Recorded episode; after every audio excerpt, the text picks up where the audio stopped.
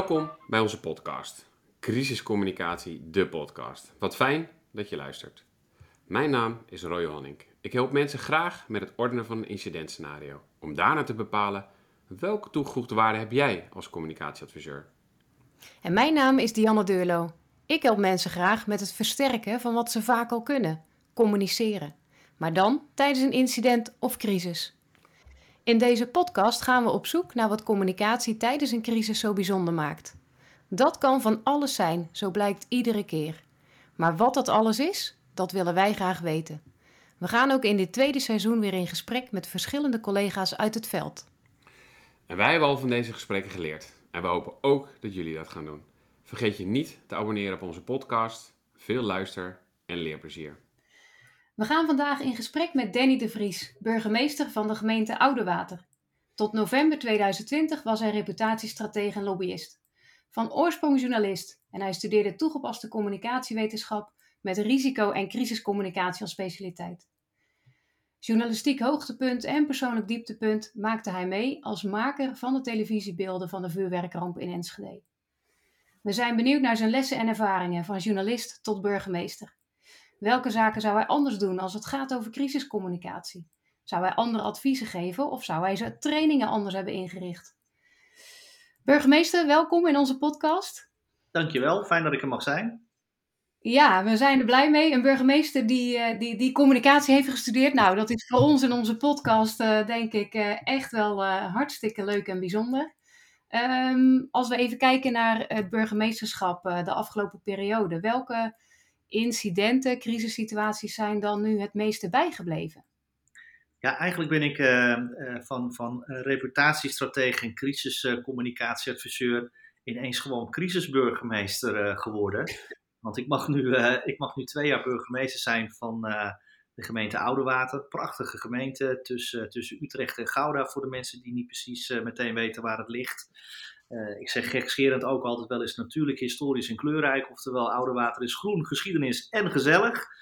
Maar um, uh, dan begin je in, wel in uh, coronatijd. En dan is het al best lastig om direct contact te maken met mensen. Want ja, dat is natuurlijk wel wat de kerncompetentie van een burgemeester is. Namelijk gewoon netwerken, verbindingen leggen en met mensen aan de slag gaan.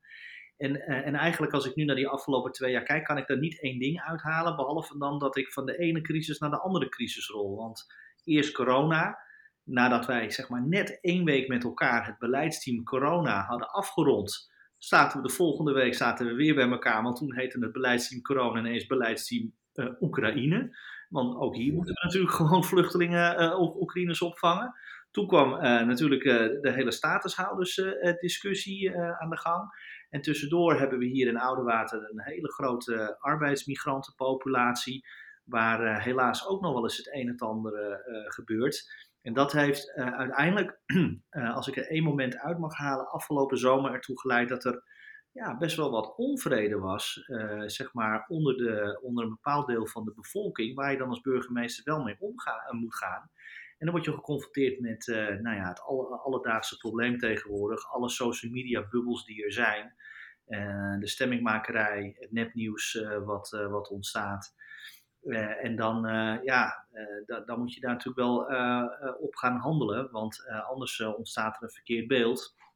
En toen heb ik ook gezegd van nou ja, iedereen die dus nu nog vragen heeft, kritiek heeft op en het beleid omtrent de Oekraïners en uh, de uitspraken en de toestanden rondom de arbeidsmigranten en uh, het beleid uh, wat we gehad hebben met betrekking tot corona en hoe mensen nu tegen de boerenprotesten aankijken, want ja, die hadden we in de tussentijd ook al gekregen. Ik, ik zit op dinsdagmiddag tussen half vier en half acht op de markt in de muziekkoppel. Kom allemaal maar langs, dan ga ik het wel even allemaal aanhoren. nou, dat heb ik dus... Ja dat heb ik dus ook gedaan. En dat, uh, dat blijft me dan nu ook nog wel even bij. En uh, nou ja, ze stonden niet uh, met duizenden tegelijkertijd voor de muziek. maak je me geen zorgen. Maar uiteindelijk komen er dan in mijn ogen dan te weinig. Er kwamen er dertien, waarvan twee echte criticasters. En die elf anderen die hadden zoiets van, nee, dat is handig. De burgemeester zit daar. Dus dan kan ik hem nog wel het een en ander andere dingen aan hem vragen. En de, de eerste die kwam, daar kreeg ik een cadeautje van. Dus dat was natuurlijk heel erg, heel erg Maar de, de crisis had hem vooral, want daar hebben we het hier in dit geval over, namelijk uh, niet, niet zozeer dan alles wat daar speelde, maar gaan gewoon in de onvrede en het wantrouwen wat er bij inwoners zit ten opzichte van de overheid. En dan ben ik notabene uh, twee jaar geleden burgemeester geworden en van oorsprong gewoon een uh, oud journalist en een oud ondernemer. Maar als je dan ineens zeg maar voor de overheid werkt, ja, dan heb je natuurlijk wel meteen een stempel opgekregen. Terwijl ik als burgemeester juist heel toegankelijk en benaderbaar wil zijn om met die mensen allemaal in gesprek te gaan. Maar dat is me wel bijgebleven. Dat is denk ik de echte crisis die wij op dit moment in Nederland hebben. Namelijk hoe kunnen we het wantrouwen bij mensen eh, wegnemen en hoe kunnen we ervoor zorgen dat de overheid gewoon doet wat hij moet gaan doen. En dat is namelijk mhm. dienstverlenend zijn, faciliteren, er voor de mensen zijn. Misschien wel inwoners van je eigen gemeente behandelen als, als klant. Servicegericht zijn, flexibel zijn. Want dat, dat, dat mis ik. Ehm, nou, misschien dat het dan te sterk is wat ik het zo zeg. Maar dat zou wat mij betreft beter kunnen. En ik denk dat mm -hmm. daar een deel van de wantrouwen van veel mensen vandaan eh, eh, komt. Ja, dus eigenlijk alle gebeurtenissen van de afgelopen tijd uh, schaar je onder het onvrede, wantrouwen wat er is bij nou, een, een, grote meerderheid van onze, van onze bevolking. Ja, ik probeer dat een beetje te ordenen. En dat komt ook omdat ik um, nou, bij de Oekraïne-discussie hier in Oudewater werd, werd er ineens eh, geopperd van uh, ze zijn daar niet een Oekraïne-opvangplek aan het bouwen, maar het wordt een asielzoekersplek. Dus dan wordt het al hmm. groter. En bij de boerenprotesten zag ik, nou, er werden natuurlijk overal omgekeerde vlaggen werden opgehangen. Maar en met de, alle boeren hier in Oudewater hebben we echt hele goede contacten, fijne gesprekken mee gehad. Dat wil ik dan toch nog even benadrukken. Maar tegelijkertijd was een ander deel van de stad werd voorzien van blauw-witte rode linten rondom lantaarnpalen en bomen. Maar dat waren niet de boeren die dat ophingen. Dat waren, zeg maar, boze burgers, uh, misschien wel voormalige uh, gele hesjes, uh, misschien wel voormalige mensen die niet gevaccineerd wilden worden. Een beetje, beetje vanuit die groep, zeg maar, die op die manier ging aanhaken bij dit soort protesten. Dus, dus, en dan merk je bij jezelf, en zie je wel, er zit gewoon onder al die gebeurtenissen die we hier in Nederland hebben, uh, zit gewoon een, uh, zit een extra laag. En dat is die onvrede van die, van die inwoners. En ik snap dat ook wel degelijk. en ik probeer daar ook goed naar te luisteren. alleen niet alles is natuurlijk meteen in één keer op te lossen. Maar voor mijn gevoel zit daar de echte crisis op dit, op dit moment.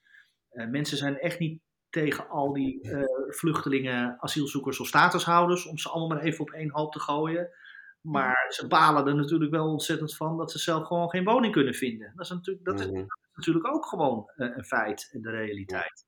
Nou, daar moet je wat aan doen, uh, proberen te doen als overheid. Uh, in ieder geval ook oog voor te hebben en, en dat ook te benoemen.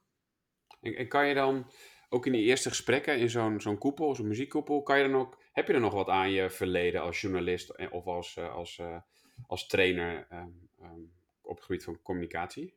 Ja, ontzettend veel. Echt ontzettend veel. Uh, daarom is het ook wel weer grappig. Daarom begon ik ook dit gesprek met van ik ben van crisismanager naar crisisburgemeester gegaan. Ja. zou je bijna al vragen, ben je überhaupt wel van, van functie gewisseld? Uh, nee, maar dat, dat had, ik, ik had dit soort dingen, je wordt er wel ineens mee geconfronteerd. Um, en ik had dit soort dingen toch echt wel uh, veel onervarener opgelost en veel, ik had veel onzekerder in mijn vel gezeten op het moment dat ik deze achtergrond niet uh, had gehad. En natuurlijk heb je natuurlijk als, als burgemeester heb je natuurlijk gewoon een sterk team om je heen staan. Hè? Dus je hebt natuurlijk gewoon een ambtelijke organisatie die je goed kan, kan adviseren. aan de andere kant, en dat is misschien ook wel eens goed om aan te geven, ik ben natuurlijk gewoon burgemeester van een hele kleine gemeente. Net iets meer dan 10.000 inwoners. Dus het is niet zo dat uh, de blikken BOA's, communicatieadviseurs, politiemensen gewoon even opengetrokken kunnen worden om even de problemen op te lossen. Je zal als burgemeester, en dat geldt ook voor mijn collega wethouders, maar ook voor raadsleden, ja, je bent samen bij het openbaar bestuur. Dus je zal het ook samen moeten doen. En dat betekent ook gewoon echt met beide benen in de modder staan en aan de bak.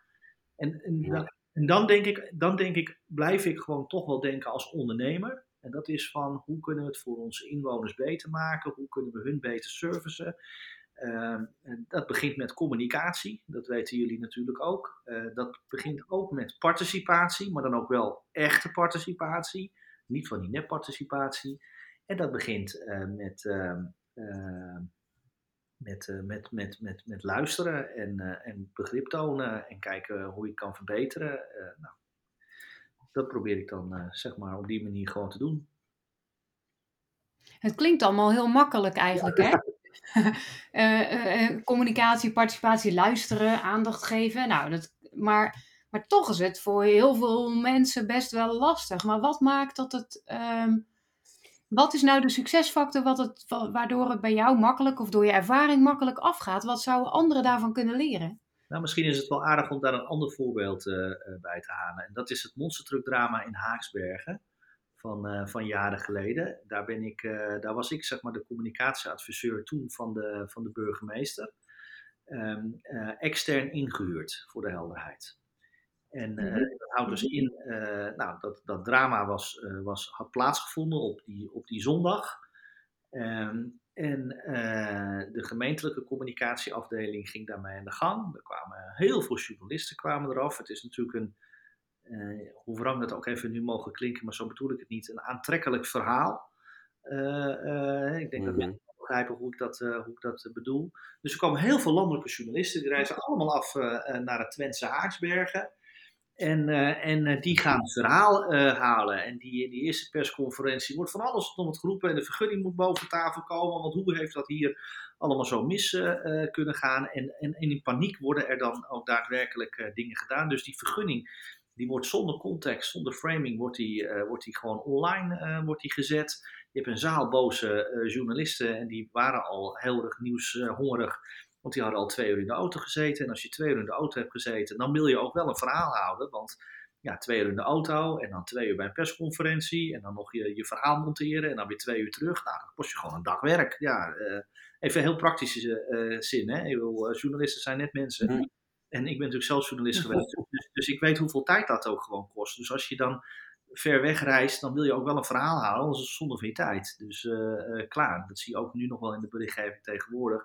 Veel verhalen worden natuurlijk ook wel gewoon rondom het Hilversumse gemaakt. En daar komt dan ook de kritiek uh, weer vandaan van, ja, je moet wat meer het land intrekken zodat al die talkshow, uh, talkshows uh, wanhopig mensen uit het oosten, noorden en zuiden van het land aan de tafel proberen te krijgen. Nou, maar daar komt dat gevoel vandaan. Nou, en wat vervolgens gebeurt er dan met, die, met het, met het monsterdrama? Wij werden als bureau maandagochtend ingeschakeld. Want toen was er zoveel ellende ontstaan. Dan sta je dus al 10-0 achter, hè, dat begrijp je ook wel. Maar het eerste wat we daar aantroffen was dat alle journalisten niet het gemeentehuis in mochten. Dat er geen faciliteiten waren geregeld voor die journalisten. Een kopje koffie, thee, broodje, heel menselijk allemaal. En die stonden allemaal buiten te wachten uh, in hun auto. Uh, uh, nou, ongemakkelijk. Ja, dan word je natuurlijk gewoon überhaupt als zagrijnige journalist, maar ook gewoon als mens. En dan mag je de burgemeester gaan interviewen. Ja, dan, dan gaat dat natuurlijk mis. Dus, dus, dus, dus dat is een iets ongrijpbaars, waar wij het dan in dit gesprek met elkaar over hebben. Wat is het dan waardoor communicatie en crisiscommunicatie van elkaar verschillen? Maar gewoon alleen al een kopje koffie geven en, een, uh, en uh, journalisten van een broodje voorzien en ze gewoon de faciliteiten geven zodat ze hun werk kunnen doen. Want ook zij moeten gewoon hun werk kunnen doen. Uh, dat kan al een wereld van verschil uh, betekenen. Dat wil niet zeggen dat je daarmee dan goede berichtgeving krijgt, maar dan krijg je in ieder geval een normale menselijke omgangsvorm met elkaar, waardoor het wel plezierig wordt om gewoon ook interviews te kunnen afgeven. Maar, maar dat, diezelfde vergelijking, kijk, Alberg hebben we natuurlijk ook dit jaar gehad, waarbij je dus in, inderdaad geconfronteerd wordt met een hotel dat opgekocht wordt door het COA. En het enige gevoel dat daar ook leeft in de gemeente Tubbergen, waar Albergen in ligt, is dan, we zijn niet betrokken. Uh, we zijn niet in gesprek te gaan. Het lijkt er maar op, en dat was gisteren op het congres wat hetzelfde was, dat het heel erg land, uh, gemeente inmiddels aan het worden is. Dus, dus de polarisatie niet alleen maar zozeer is samenleving rijk, wat jij zegt. Maar ik merk ook gewoon dat het rijk gemeente bijna is. Ik ben best wel geschrokken gisteren eigenlijk op het congres waar ik was. Dat er niet alleen misschien een polarisatie ontstaat, zoals jij het zegt van ik ben nu van de overheid en ik zie heel veel crisis en heel veel uh, onvrede bij de bevolking op allerlei vlakken. Maar ik zag ook gisteren op het congres waar ik was echt heel veel onvrede tussen rijksbeleid, wat dan land, in jouw gemeente moet landen. Voel je dat dan ook zo? En is daar misschien hetzelfde menselijk aspect? Wat Nou, mist misschien?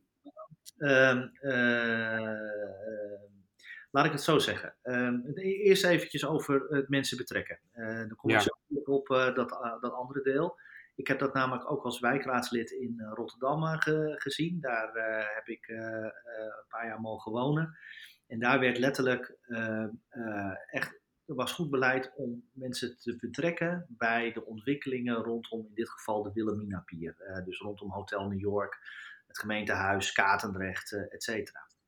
En die mensen die op de Wilhelminapier eh wonen, want ik zat in de wijkraad Katendrecht Wilhelminapier, ja, dat zijn natuurlijk eh, nou, dat zijn, geen domme mensen. Dat zijn betrokken, betrokken mensen, dat kunnen ook vervelende mensen zijn, maar dat zijn in ieder geval heel veel CEO's, directeuren, advocaten en ga zo maar door. Dat zijn mensen die laten niet zomaar het kaas op een brood eten.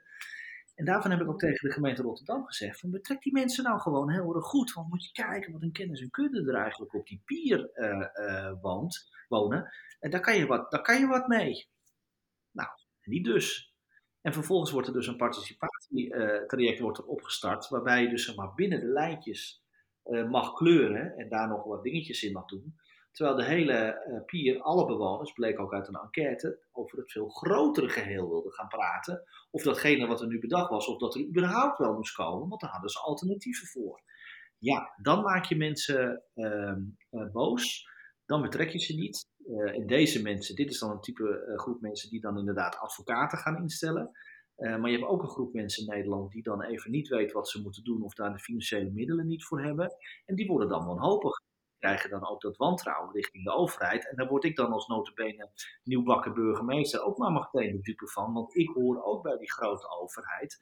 Uh, en ik zal wel op dezelfde manier uh, uh, in de wedstrijd zitten. En tegelijkertijd heb je ook, als je, als je kijkt naar Rijk en, en gemeentes en provincies, ja, wij zijn één overheid. Hè? Wij moeten als één overheid ook opereren. Maar als je ziet hoeveel taken er gewoon vanuit het Rijk naar de gemeente worden uh, overgeheveld zonder dat daar budget achter zit, ja, dan is dat nog wel, uh, dan is dat nog best wel een uitdaging. En dan krijg je ook wel echt uh, problemen daarin. En ja, misschien een mooi actueel voorbeeld daarin is van, oké, okay, onze staatssecretaris is nu bezig met die spreidingswet. naar aanleiding van jouw Albergen, Tubbergen mm. haal. waarin wordt gezegd van, nou, elke gemeente moet straks verplicht asielzoekers gaan opvangen ja, um, dat betekent dus dat je heel Nederland over één kam scheert. Want uiteindelijk vind ik namelijk uh, de asielzoekers of de vluchtelingen, ik vind dat geen crisis. Het is gewoon een beleidsprobleem. Er zijn gewoon uh, niet genoeg, ja, maar serieus, alles wordt tegen onder de noemer crisis uh, geschaard. En het gevolg is dat je dus een A, een inflatie krijgt van het begrip crisis, dat is één. Maar twee, um, je, je creëert daarmee ook een situatie dat uh, uh, vluchtelingen- of asielzoekersverhaal ineens van de ene tafel, namelijk de regie- en migratietafel van de provincie, naar een veiligheidsregio wordt overgebracht. Dan gaat het van wethouders, gaat het naar burgemeesters, gaat het toe. Uh, ja. Burgemeesters zitten altijd in de wedstrijd. Daar steek ik echt mijn handen voor in het vuur om het zo goed mogelijk te doen. En, en problemen op te lossen. En we staan allemaal voor elkaar klaar, maak je me geen zorgen. Dus het is ineens een burgemeesterscrisis uh, is geworden. Wij krijgen ook bevoegdheden die je normaal gesproken dan niet hebt. Dus dan kan je ook nog je democratische vraagtekens bestellen. Uh, want uh, ja, ik kan gewoon dan in zo'n situatie meer doen dan, dan ja. ik normaal gesproken kan doen. Maar dan moet je wel eerlijk afvragen van ja, maar is dit nou ook daadwerkelijk een, een, crisis die bijvoorbeeld bij een veiligheidsregio horen? Of hebben we gewoon niet te maken met slecht beleid wat in het verleden gevoerd is, namelijk allerlei asielzoekerscentra die gesloten zijn. Er komen er ja. nu heel erg veel meer vluchtelingen naar Nederland. Nee, valt wel mee. Maar uh, wat we wel een probleem is dat er gewoon heel veel statushouders op die plekken zitten. Omdat er gewoon ook helaas uh, veel gemeenten zijn die gewoon hun uh, taakstelling niet gehaald hebben. En dan moet ik ook eerlijk zijn, daar hoort Tubbergen ook bij. Als je twaalf jaar lang geen statushouders opvangt en vier maanden lang de staatssecretaris negeert, ja, dan, dan heb je wel een issue. Uh, ja. en, maar daar wordt nu wel heel uh, gemeentelijk uh, Nederland mee belast. Waardoor ik straks misschien asielzoekers moet gaan opvangen. Terwijl ik echt geen idee heb waar ik ze kwijt moet. Want zo groot is water ook weer niet. Ja, ik herken dit enorm, uh, wat je zegt. En ik zit ook te glimlachen. Uh, maar dat ziet, dat ziet natuurlijk niemand. Omdat het inderdaad, ik zie het ook als beleidsprobleem. En dan terug, als je kijkt, dat maakt, daarom vind ik wel geinig wat, dat je zegt. Dan ik was crisiscommunicatie en ik ben nu crisis ja, burgemeester geworden. Dat maakt dat je hele andere vaardigheden moet hebben. Uh, en jij hebt die toevallig voor een, een, groot deel natuurlijk opgeruimd verleden als journalist en als ja, als trainer, zeker als reputatiestratege. Dus dat is, dat is een interessante, denk ik, voor je collega's. Hebben jullie het daarover dan? Nou ja, dat, ja uh, dat, wat ik wel eens hoor is dat ze mij ook wel bewust gekozen hebben als uh, burgemeester uh, voor, je, voor jouw beeld. Ik ben natuurlijk geen wethouder ooit geweest. Ik ben geen raadslid ooit geweest. Ik ben gewoon oud-journalist, oud-ondernemer en dan nu ineens burgemeester. Dus dat is best wel een opmerkelijke carrièregang. Maar ja, dat heeft natuurlijk allemaal te maken met, uh, met uh, de vuurwerkramp.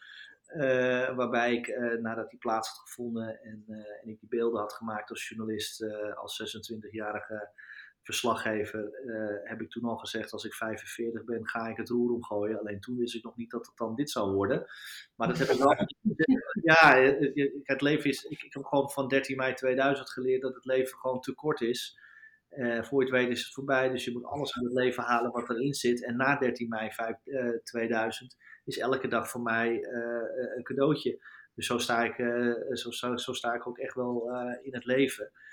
En, ehm, en dus, dus, dus ze hebben inderdaad wel gekeken van, goh, we zoeken een burgemeester ook met communicatieve achtergrond. Dus, dus dat zit er inderdaad in. Het is niet zo dat we het er daar dagelijks over, over hebben. Maar waar ik nu mee geconfronteerd word, is mhm. Ook daadwerkelijk wel gewoon ook aan de knoppen uh, kan draaien. Want eerst ben je natuurlijk adviseur. En dan moet je altijd maar kijken. Mm Maar al die partijen die je dan geadviseerd hebt, of die het ook daar willen overnemen. En nou ja, goed, jij weet als geen ander dat, uh, nou oké, dan heb je advies gegeven. En een risico, een crisiscommunicatie is het altijd zo. Uh, het, is al, het, is, het, is nooit, het is nooit iets goed. Het is altijd uh, een slechte route A en slechte route B. Alleen de ene route is iets minder slecht dan de andere route. Laat ik het zo maar even vertalen. En dan kan je zeggen van nou, uh, beste collega uh, burgemeester, ik adviseer de slechte route A. Want daar kunnen we het beste mee weg.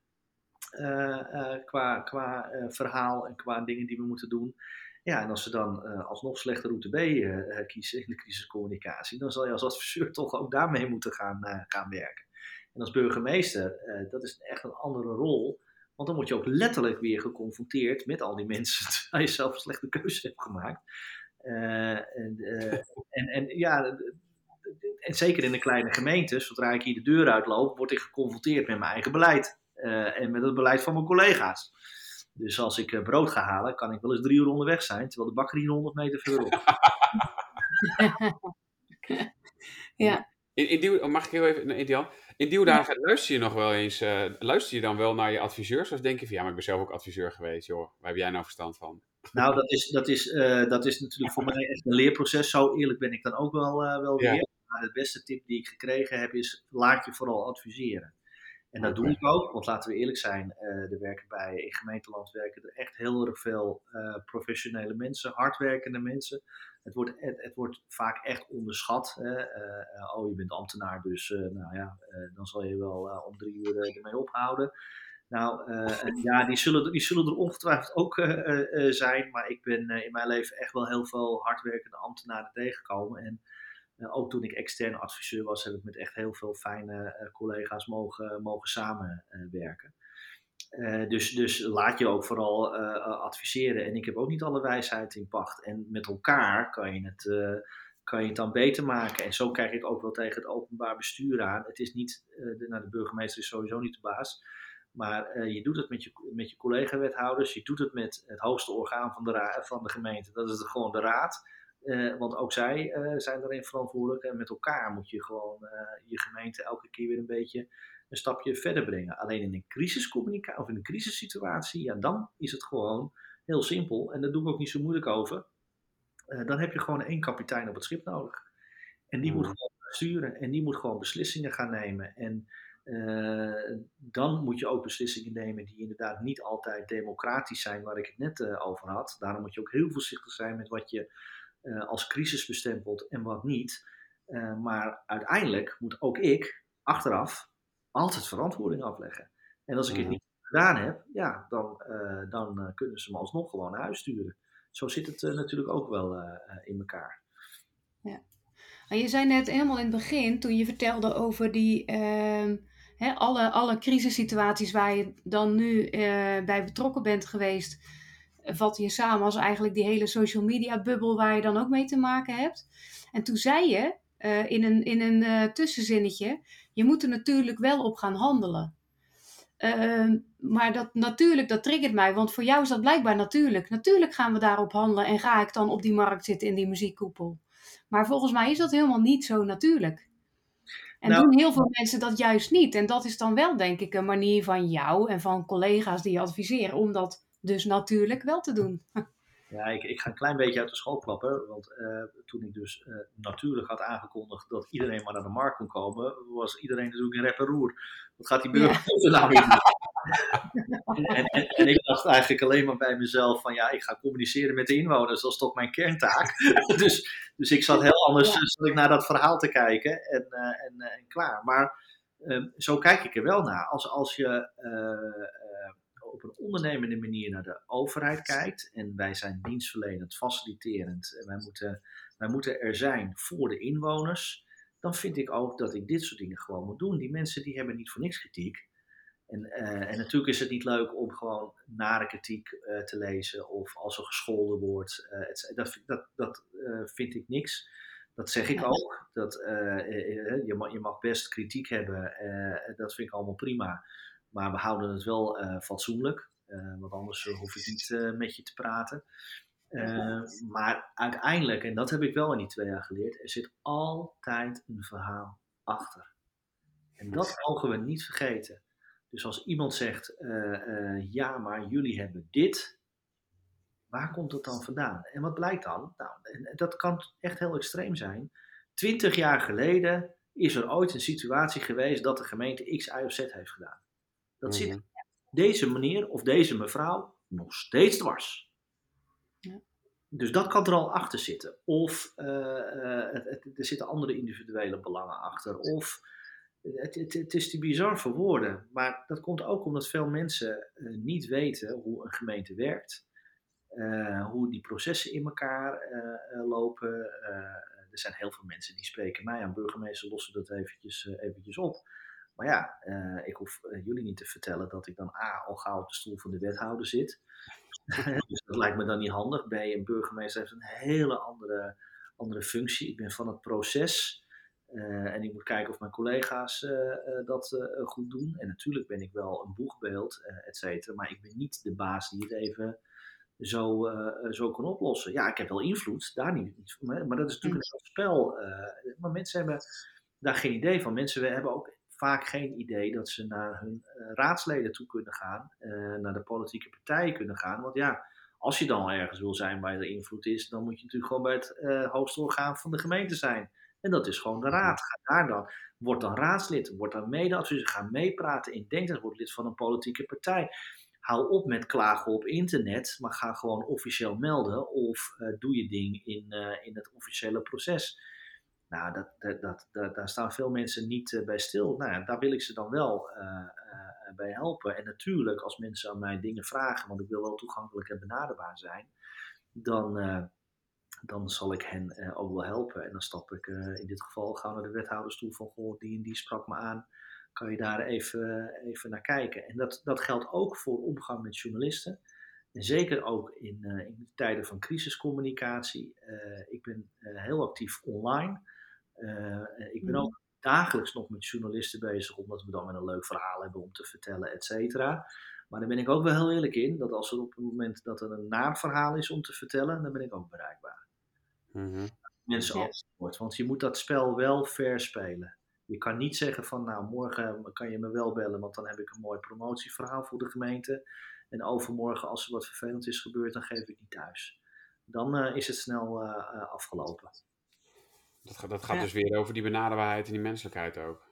Ja, maar dat geldt richting, en ja, in dit geval, in mijn geval dan de inwoners, maar dat geldt ook voor mensen in het algemeen richting journalisten. Je kan niet, Ja. ook als je een bedrijf hebt of als je een gemeente hebt, de hele dag door journalisten lastigvallen met mooie verhalen en PR-dingen en, en, presentaties en rondleidingen en noem maar op. En op het moment dat er dan de directeur over de scheef is gegaan, te veel geld heeft verdiend, er een massa-ontslag is of weet ik veel voor ellende er over zo'n bedrijf komt, dan zeggen van ja, nee, maar nu geven we niet thuis. Dat kan niet. Ook dan moet je er gewoon, gewoon staan, hoe vervelend het ook is.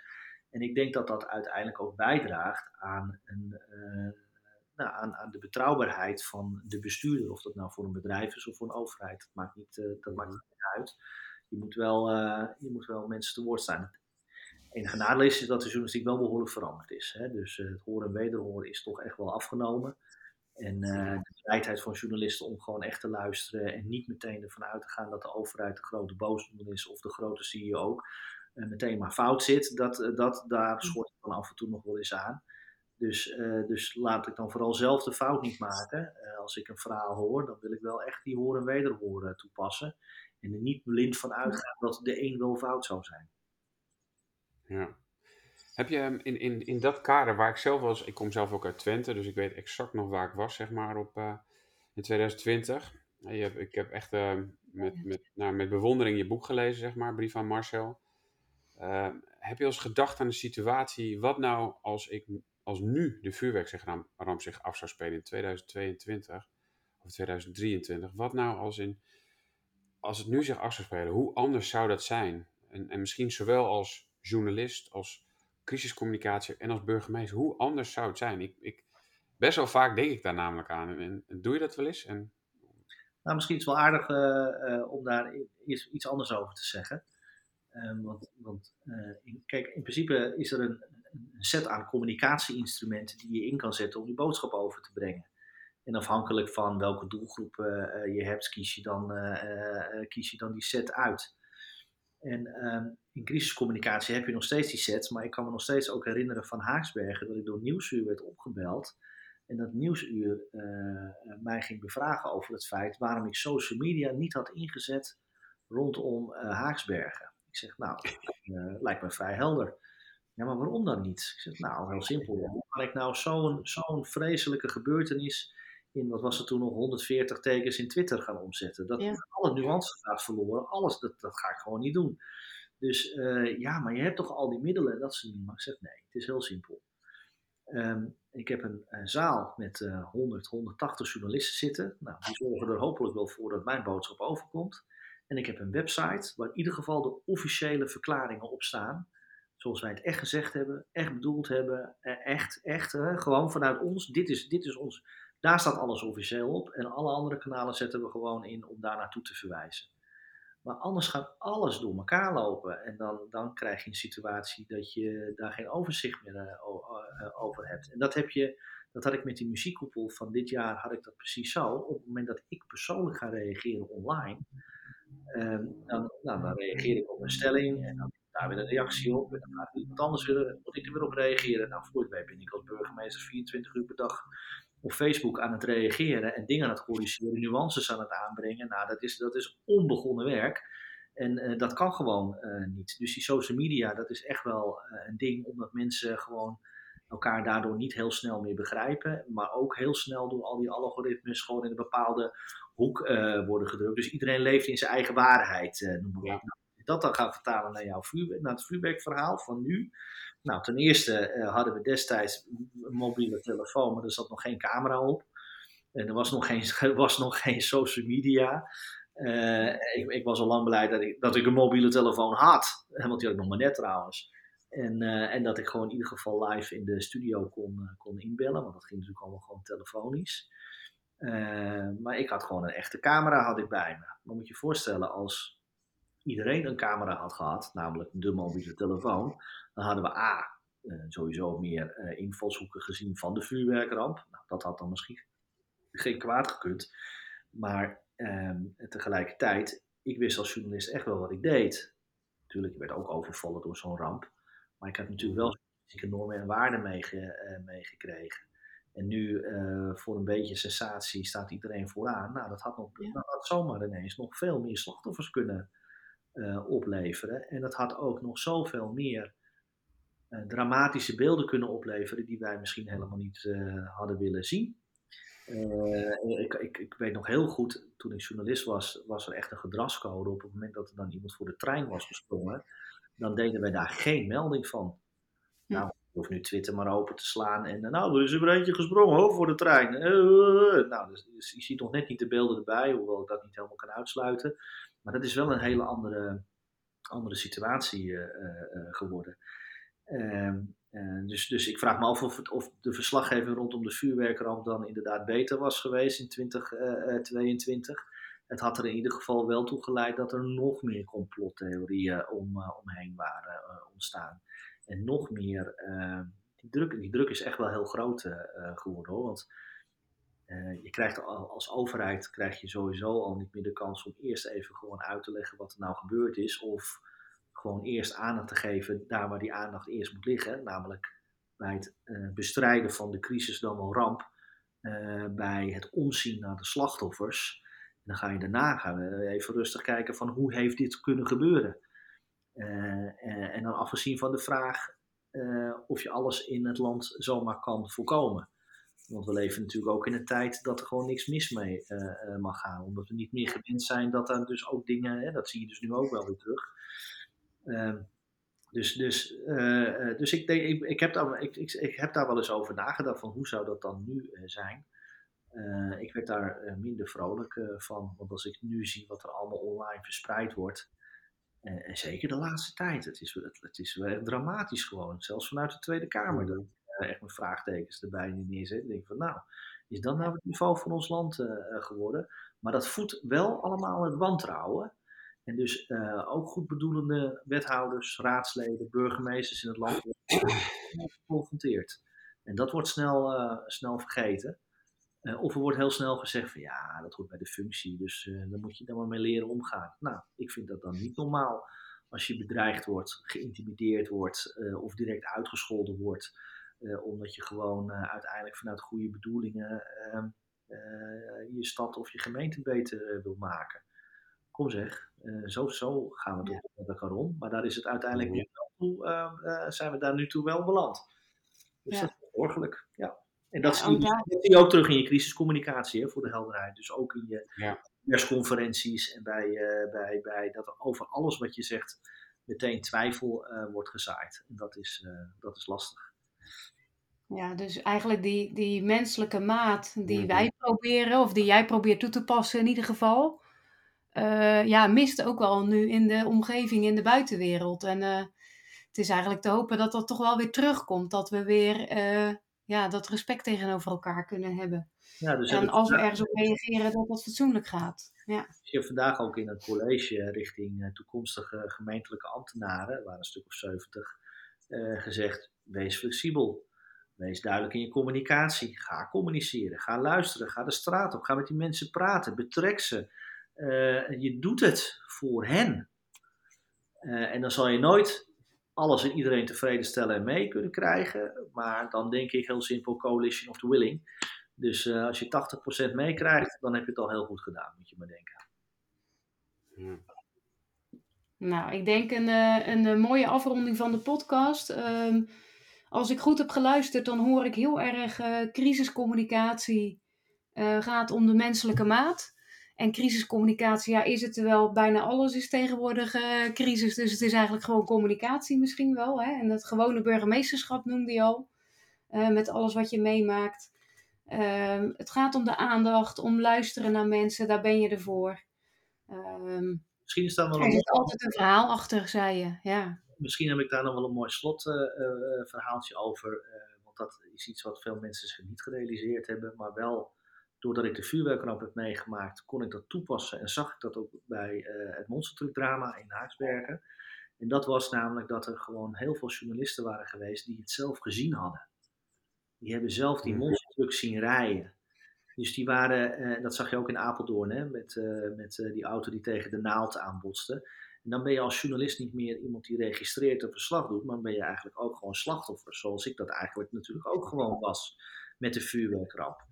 En als communicatieadviseur destijds bij Haaksbergen zag ik dus gewoon een groep journalisten rondlopen die zich niet journalistiek gedroeg. Dat waren gewoon namelijk gewoon eigenlijk slachtoffers. Alleen ze waren toevallig ook nog zo. Mhm. En daar hebben we toen ook een apart uh, traject op, uh, opgezet om dus ook uh, vooral aandacht voor hen te hebben. En dat is die menselijke maat die Jan, waar je het net over had. Ook daar moet je gewoon heel goed naar kijken. Dus, dus, er zit altijd een verhaal achter een verhaal. En ik zal nooit vergeten, dat er was één journalist en die zei tegen mij, ik ga hier zitten. Ik zeg, nee, we hebben beneden een prachtig mooi persvak gemaakt en er staan broodjes en dingetjes. En ik ga hier zitten, ik wil hier zitten. Nou, die wilde per se op de publieke tribune zitten. Ja, niet zo raar, want die persoon die woonde in Haaksbergen, die was weliswaar journalist, maar die had het zelf gezien. En toen dacht ik, oh wacht even, ik moet even opletten. Het is een hele andere situatie. Dus ja, heb oog voor elkaar, uh, luister naar elkaar en, uh, en ga op zoek naar het verhaal erachter, want dat is er namelijk altijd. Mooi. Mooi. Punt. Dank. Dank voor je tijd in deze podcast. Nou, dank dat jullie me wilden hebben. Ik hoop, uh, ik hoop dat jullie het leuk uh, vonden. Als ik er zo weer over nadenk, dan denk ik, jeetje, er is eigenlijk veel gebeurd. ja. Het is, een mooi, het is een mooie geuzennaam, crisisburgemeester. Ja, ja. Dus, ik hoop wel dat ik snel gewoon ook een reguliere burgemeester mag worden. Ja, ja, ja. Bedankt voor het luisteren. Dit was niet onze eerste en zeker niet onze laatste podcast. Laat ons horen wat je ervan vindt. Met een review of een bericht, daar worden wij altijd blij van. En vergeet je niet te abonneren op onze podcast. Wil je meer weten over crisiscommunicatie? Kijk dan even op crisiscommunicatieacademie.nl.